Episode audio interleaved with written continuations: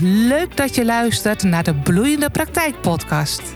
Ik ben Ingrid Beersen en in deze podcast deel ik tips voor coaches en therapeuten die verlangen naar een succesvolle en bloeiende praktijk.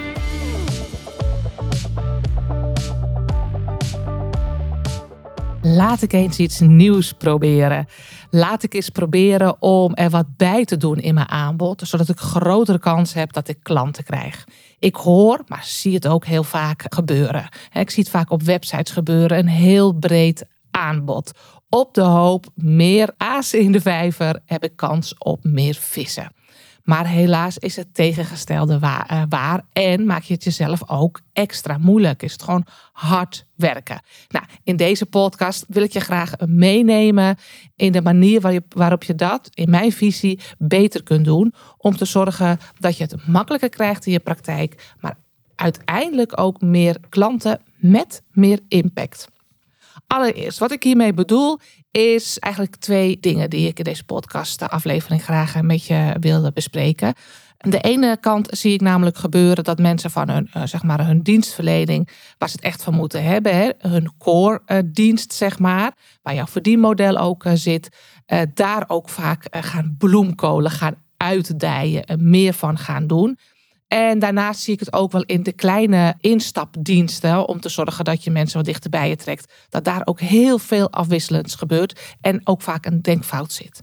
Maar eerst eventjes eh, naar die gedachte hè, van als ik meer keuze heb, dan meer keuze bied aan klanten. En klanten hebben natuurlijk ook. De ene klant houdt hiervan, de andere klant houdt daarvan. Ja, daar zit er snel iets tussen. En dat is natuurlijk wel zo als je je praktijk zo hebt opgezet dat je voor een hele brede doelgroep bent. Alleen wat er dan gebeurt, is dat er voor hele kleine groepjes eh, een paar keuzes zitten. En maar jij een ontzettende ingewikkelde praktijk hebt. En uh, je ook gewoon geen systeem kunt krijgen in je praktijk. Ik sprak laatst een orthomoleculair therapeut. En die was inderdaad heel breed. Want ja, ik kan heel veel mensen helpen. Hè, dat, dat, uh, daar hoor je mij nooit iets anders over zeggen. Alleen vanuit je ondernemersperspectief is dat gewoon niet handig. Ze gaf ook aan, ik heb ontzettend veel uitzoekwerk elke keer. Nou, tel er nog eens bij op, vooral als je begint, dat je ook nog wat onzeker bent. Dus je, bent, je, doet, je doet nog even wat grondiger, zeg maar, uit, uh, uitzoekwerk. Dan uh, heb je gewoon eigenlijk heel veel verschillende type klanten waar je continu het wiel voor aan het uitvinden bent en blijft. En dan kan je op een gegeven moment zeggen, ik krijg meer ervaring. Maar je moet er van een bepaald type klant wel heel veel uh, krijgen om daar ervaringen op te bouwen. En dan komt er weer een heel nieuw type klant en dan ben je het weer opnieuw aan het uitzoeken. Vooral de orthomoleculaire therapeuten die dit luisteren, zullen dit zeker heel erg gaan herkennen. Maar het geldt eigenlijk voor elke ondernemer. Stel dat ik nu marketing ga doen voor een bloemenzaak of voor een boekhoudkantoor. Dan moet ik me ook wel weer, wil ik echt waarde toevoegen. Me heel erg verdiepen in de problematiek die ze hebben en de markt die ze eh, hebben. Uiteraard kan je altijd denken van, ah, dat is wel lekker eh, afwisselend. Maar ben je dan slim bezig? En is het voor jouw klant ook fijn met het idee dat jij het elke keer opnieuw gaat zitten uitvinden, terwijl zij jou willen hebben vanwege jouw ervaring in je vak en met een specifieke probleem. Als je die switch maakt, dat je veel meer voor de specifieke doelgroep eh, gaat werken, is het namelijk helemaal niet nodig dat je een heel breed aanbod doet.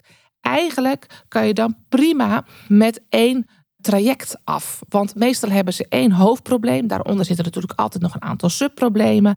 Maar maak je eigenlijk continu dezelfde stapjes met je klant. Daarbinnen kun je natuurlijk heel persoonlijk zijn. Hè? Dat, dat, dat doet daar niet aan af. Maar kan je eigenlijk met één traject, of misschien met een A- en een B-traject, waar mensen nog wat verder in eh, kunnen in, in de B-variant, kan jij al gewoon jouw bedrijf neerzetten.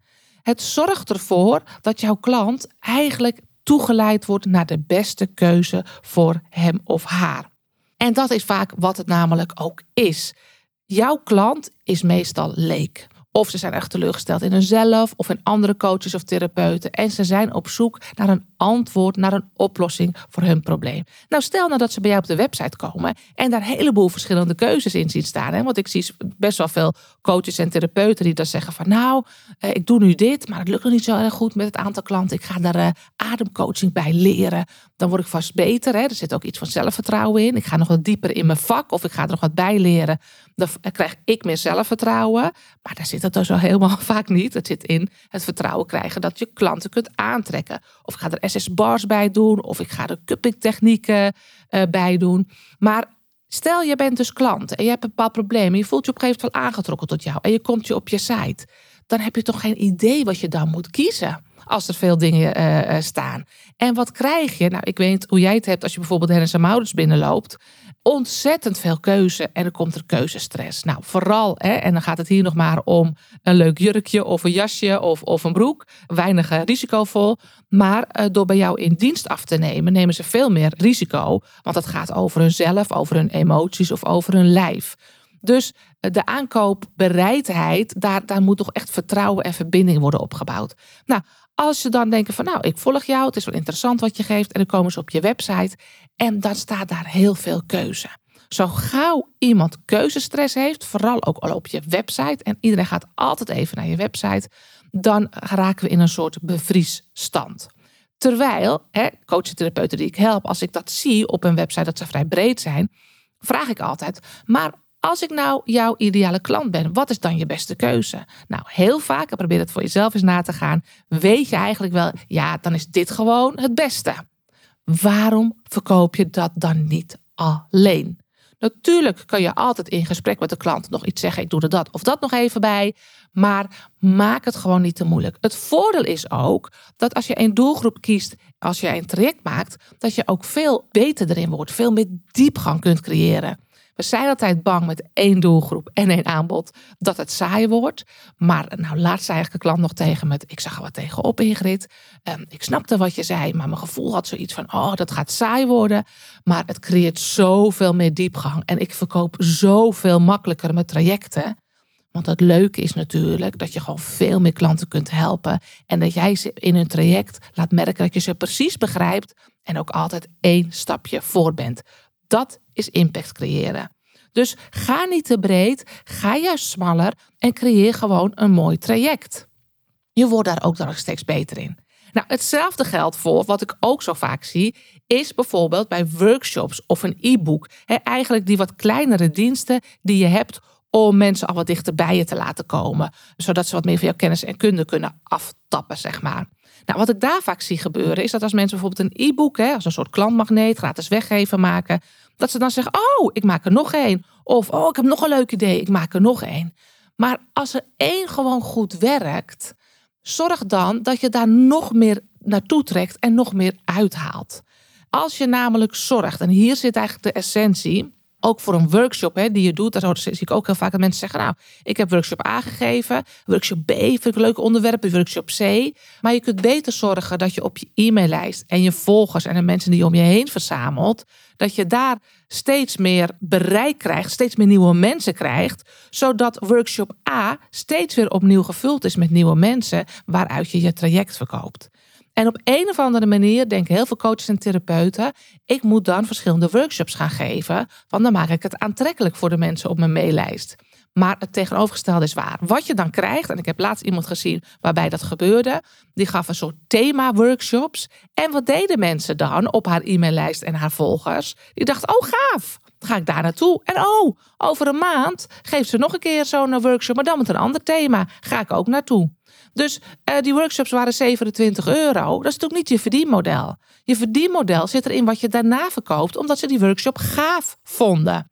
Dus als jij verschillende workshops geeft met verschillende thema's, dan krijg je dit soort recensies. Superleuke workshops. Ik volg er eens in de maand eentje bij Ingrid en ik haal er heel veel informatie uit. Nou, dan verdien je aan een klant misschien per jaar drie keer 27 euro. Terwijl uiteindelijk uh, die klant veel meer effect heeft, maar jij ook veel meer omzet.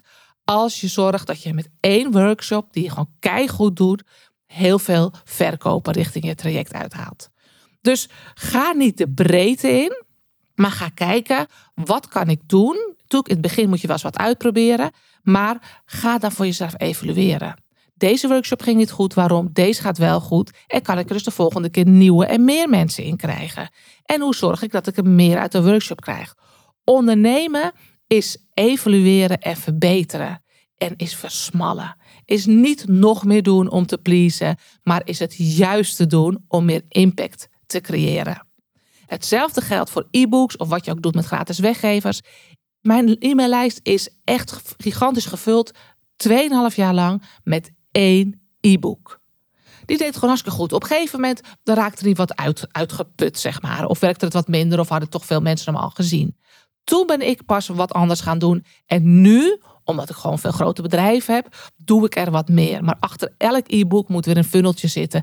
Is hartstikke veel werk. Dus als je nu kijkt en je denkt, hé, hey, het zegt dat wel. Maar zij hebben een aantal weggevers op de website staan. Dat is omdat ik in een andere fase zit met mijn bedrijf. Maar in de fase waarin veel coaches en therapeuten zitten, zeg ik: doe één, kijk van een weggever. Kijk misschien hoe je met de titel wel eens wat kan wijzigen, waardoor die nog aantrekkelijker wordt. En maak gewoon één of twee workshops, niet meer. En kijk hoe je hem steeds beter kunt maken. Uh, hoe je meer en makkelijker mensen in kunt krijgen. En hoe je er een betere verkoop uit kan doen. Bijschaven, bijschaven, bijschaven. Daar zit het geheim. Dus een verticaal aanbod en geen horizontaal aanbod. Ga alsjeblieft niet bloemcoden. Want je helpt je klanten niet mee. Maakt het maakt het voor jezelf ook veel moeilijker. En uh, ja, je brengt jezelf veel meer werk. Hè? Je haalt jezelf veel meer werk op de hals. uh, dat gezegde, die uitspraak, die, die zocht ik. Nou, ik hoop dat je hier wat aan hebt. En ga eens kijken eventjes op je website. Maar dan met de bril op van jouw klant. En die is echt leek. Hè? Dus, dus haal je je pet van je hoofd af als coach of therapeut, als vakdeskundige. Maar jouw klant is leek. Die heeft een probleem. Vind die dan de oplossing in jouw aanbod en stuur je ook naar eigenlijk gewoon de beste oplossing. Heel veel succes ermee! Leuk dat je hebt geluisterd. Vond je het interessant en smaakt het naar meer? Abonneer je dan op mijn podcast zodat je op de hoogte blijft van de nieuwste afleveringen. En wil je meer informatie? Neem dan een kijkje op de website van bureaubeersen.nl.